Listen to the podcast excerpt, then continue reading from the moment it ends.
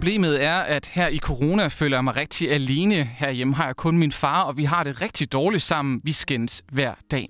Min mor har en meget voldig adfærd over for min lillebror. Hun tror ham dagligt med at slå ham, og fortæller ham tit, hvor meget hun har lyst til at banke ham. Min far kommer hjem fuld hver eneste aften. Mig og min lillebror gemmer os, og jeg er træt af at leve på den her måde. I år der er det altså femte gang, at Børns Vilkår og Trykfonden sammen udgiver statusrapporten Svigt af børn i Danmark. En rapport, der udkommer i dag, og som igennem de nyeste opgørelser, undersøgelser og forskning, altså giver et billede af, hvordan situationen er på en række områder af betydning for trivsel og opvækst for børn og unge i Danmark. Og det er altså den rapport, vi ser nærmere på i Indsigt i dag. Jeg er din vært, Martin Sodemann. Og det er altså en rapport, der er fyldt med historier af forskellig grad, men alle har det til fælles, at der i, store, i det store hele er tale om svigt. For begrebet svigt er paraplyen, der dækker over 14 forskellige punkter, man har mål på. Og resultaterne er samlet i en rapport, som igennem de nyeste opgørelser, undersøgelser og forskning altså giver billedet af, hvad for nogle problemer børn og unge står over for her i Danmark, når det kommer til svigt. Rasmus Keldahl er direktør for Børns Vilkår, og derfor godt inde i ikke bare den her rapport, men også i alt det, der arbejdes på blandt i Børns Vilkår, som har kigget meget på det her med udsatte børn. Og i første omgang, jamen, så skal vi altså være opmærksom på, at der i nogen grad er nogle punkter, der er svære at måle på, når det kommer til det her med svigt. Vi følger jo med de nye data, der kommer så grundigt med, vi kan, og man kan sige, at nogle steder har vi rigtig gode data, og andre steder må man sige, at øh, at, at, at vi har brug for øh, et, et, et, bedre grundlag for, at vi, vi rigtig kan følge det. Men der er altså også tal, der er let håndgribelige og taler sit tydelige sprog. For der er markante stigninger at spore i visse steder i rapporten. Hvis man ser på anmeldelser om psykisk vold mod børn og unge, ja, så lå det i 2020 på 143 tilmelde, øh, øh, tilfælde, og det er altså en stigning på 90 i forhold til året for inden. Omvendt, jamen, så ser man faktisk et lille fald i anmeldelsen af fysisk vold. Men tallenes totale værdi, det er egentlig ikke det, der bekymrer Rasmus Keldahl. Det er mere det faktum, at man her fem år inde i at udvikle de her rapporter ikke ser et markant fald, markant fald på visse områder. Faktisk så kan man nogle steder sige tværtimod. Altså siden vi begyndte at udgive den her rapport, så, så synes jeg, det er svært at sige. Det vil man jo helst, at øh, nu går det den rigtige vej. Øh, tallene for vold og overgreb eller noget bliver, bliver lavere. Jeg, jeg, jeg synes ikke, at der kommer et entydigt billede. Vi kan indimellem se nogle positive tendenser. Der var blandt andet en længere periode, hvor, hvor mobningen faldt. Øh, men nu er det ligesom en del af tallene igen øh, peger den øh, for, forkerte vej. Øh, vi ved jo også, at øh, sådan noget som fattigdom rammer rigtig mange børn, og den er formentlig blevet værre øh, under corona. Der venter vi jo stadig på de seneste tal. Ja, og netop corona, det har altså også en rolle at spille i det sådan store billede, fordi pandemien den har jo sat sit præg i alle former for data, der er indsamlet siden øh, virusen gjorde sit indtog, eller sagt med ord i alles liv. Så hvad er pandemiens egentlige effekt på de her børn og unges liv?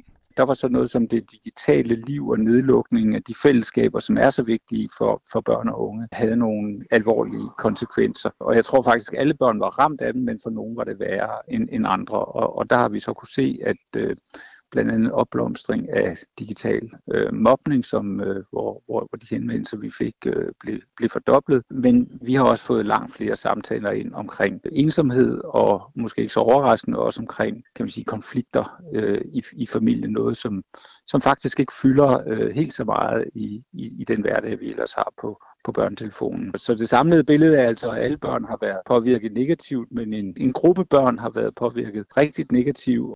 Ja, indledningsvis der læste jeg et par anonyme citater op, som er kommet ind via børnetelefonen. Nu skal vi så høre fra en, der har gennemlevet en barndom og også en ungdom med svigt. For Thomas de Oliveira blev til som et ønskebarn, men der gik altså ikke mange måneder før kernefamilien gik i stykker, og det her svigt begyndte.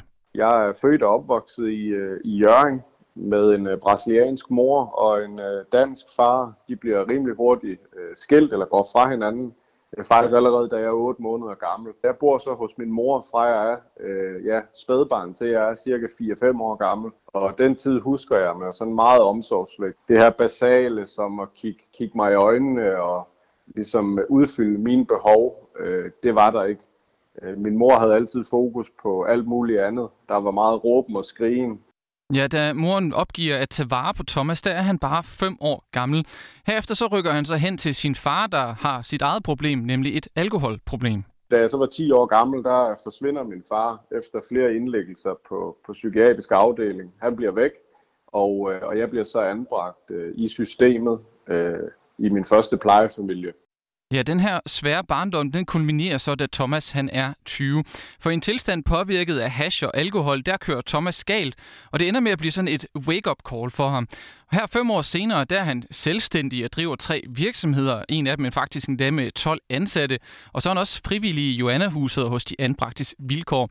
Men på trods af det, man kan kalde styr på og succes i livet, så er der altså stadig ar på Thomas' sjæl, der er efterladt af det her svigt, som han oplevede som barn heldigvis kan jeg godt i dag øh, kigge folk i øjnene. Det, det er jeg faktisk rigtig glad for, og det sætter jeg en stor pris i, at øh, kunne kigge andre folk i øjnene. Men der er andre områder, hvor jeg stadigvæk hænger efter, og det er primært, hvis nogle nære relationer, hvis vi har nogle aftaler sammen, og de aftaler så ikke bliver holdt. Så det kan for eksempel være en kæreste, hvis vi har en aftale om, at hun skal købe øh, fløde med hjem. Hvis hun så ikke køber fløde med hjem, fordi hun ikke har lyst til fløde i sovsen eller sådan noget, uden at informere mig. Altså det, det, er, sådan nogle, det er sådan nogle småting, hvor der bliver brudt en, en aftale, øh, som egentlig ikke har den store betydning for livet, fordi skide være med den fløde, eller så kan jeg da selv gå ned og købe en fløde. Men, øh, men det er det der med at føle sig svigtet, som stadigvæk i dag kan plage mig. Ja, og hvordan undgår vi så, at der er flere, der får de her ar på sjælen og skal tage dem med ind i sit voksenliv, også selvom det måske er noget, der kan virke for andre som banaliteter. En ting, det er i hvert fald helt sikkert. Der er et stort bjerg, der skal bestiges, og det er altså ikke blevet mindre efter sådan et år plus det løse med coronavirus så vil jeg sige, at den er i hvert fald ikke øh, slut. Øh, bare det med, at vi er blevet vaccineret og, og, og, og testet, og vi kan få lov til at vende tilbage til et næsten normalt tilværelse. Der er simpelthen nogen, vi er nødt til at være opmærksom på, der skal tilbage og med i fællesskaberne igen. Og jeg tror, vi vil begå en kæmpe brøler, hvis vi, vi ligesom bare siger, nu er alt normalt. Der er simpelthen brug for en ekstraordinær indsats, formentlig i flere år, men selvfølgelig især her i det kommende efterår, med at få alle tilbage i fællesskaberne øh, igen. Ja, netop her der har forældre en rolle at spille i at hjælpe med at få skabt kontakt til tidligere legekammerater, men skolerne naturligvis også skal gøre sig en indsats. Og så fremhæver Rasmus Keldahl faktisk også det her med fællesskabet, der kan hentes i foreningslivet. Men hvad der så angår de i forvejen udsatte børn, der har fået forværret deres situation, ja, så er man nødt til at række ud til familierne og få gjort status på, hvordan det står til, og også undersøge, om der er nye grupper udsatte, der er opstået oven på coronaen, som ikke er blevet spottet endnu. Og det betyder også, at de i forvejen meget pressede socialforvaltere, de får endnu mere at se til. Og står det til Thomas de Oliveira, ja, så får de altså også snart en hjælpende hånd. Socialrådgiverne, de skal klædes meget bedre på til den her opgave. De skal have et kæmpe boost et, en boostindsprøjtning, både af midler og, og uddannelse og kurser. De her socialrådgiver, de har jo alt for mange sager. De sidder jo med 40, knap 40 sager per, ja, per socialrådgiver. Og den her smule tiltrækte hjælp, det kan også være, det bliver en sideeffekt af den her rapport. For formålet med rapporten, jamen det er jo altså også, at vores folkevalgte politikere, de skal, skulle bruge, de skal kunne bruge den til at se og vende blikket hen, hvor det er, der er allermest brug for hjælp, og så kigge på, hvad kan man egentlig gøre for at hjælpe de her børn sådan at det ikke bare forbliver en akademisk drøftelse, som måske er lidt svært at vide, hvordan man skal sætte ind over for øh, på, på Christiansborg. Men der er jo i hvert fald nogle ting omkring vold og psykisk vold, hvor det er helt åbenbart, at der er brug for forbedringer, og hvor den kan man sige, bedring, der måske har været tidligere, ligesom er gået stå. Men nu har politikerne altså fået helt nye tal og nye historier at forholde sig til, så måske er der lagt op til en ny debat på området i nærmeste fremtid. Det bliver vi altså klogere på i fremtiden, men ikke for nu, for det her det var slutningen på Indsigt for i dag. Det var sat sammen med Tejs Eriksen og mig, Martin Sodman. Tak fordi du lyttede med.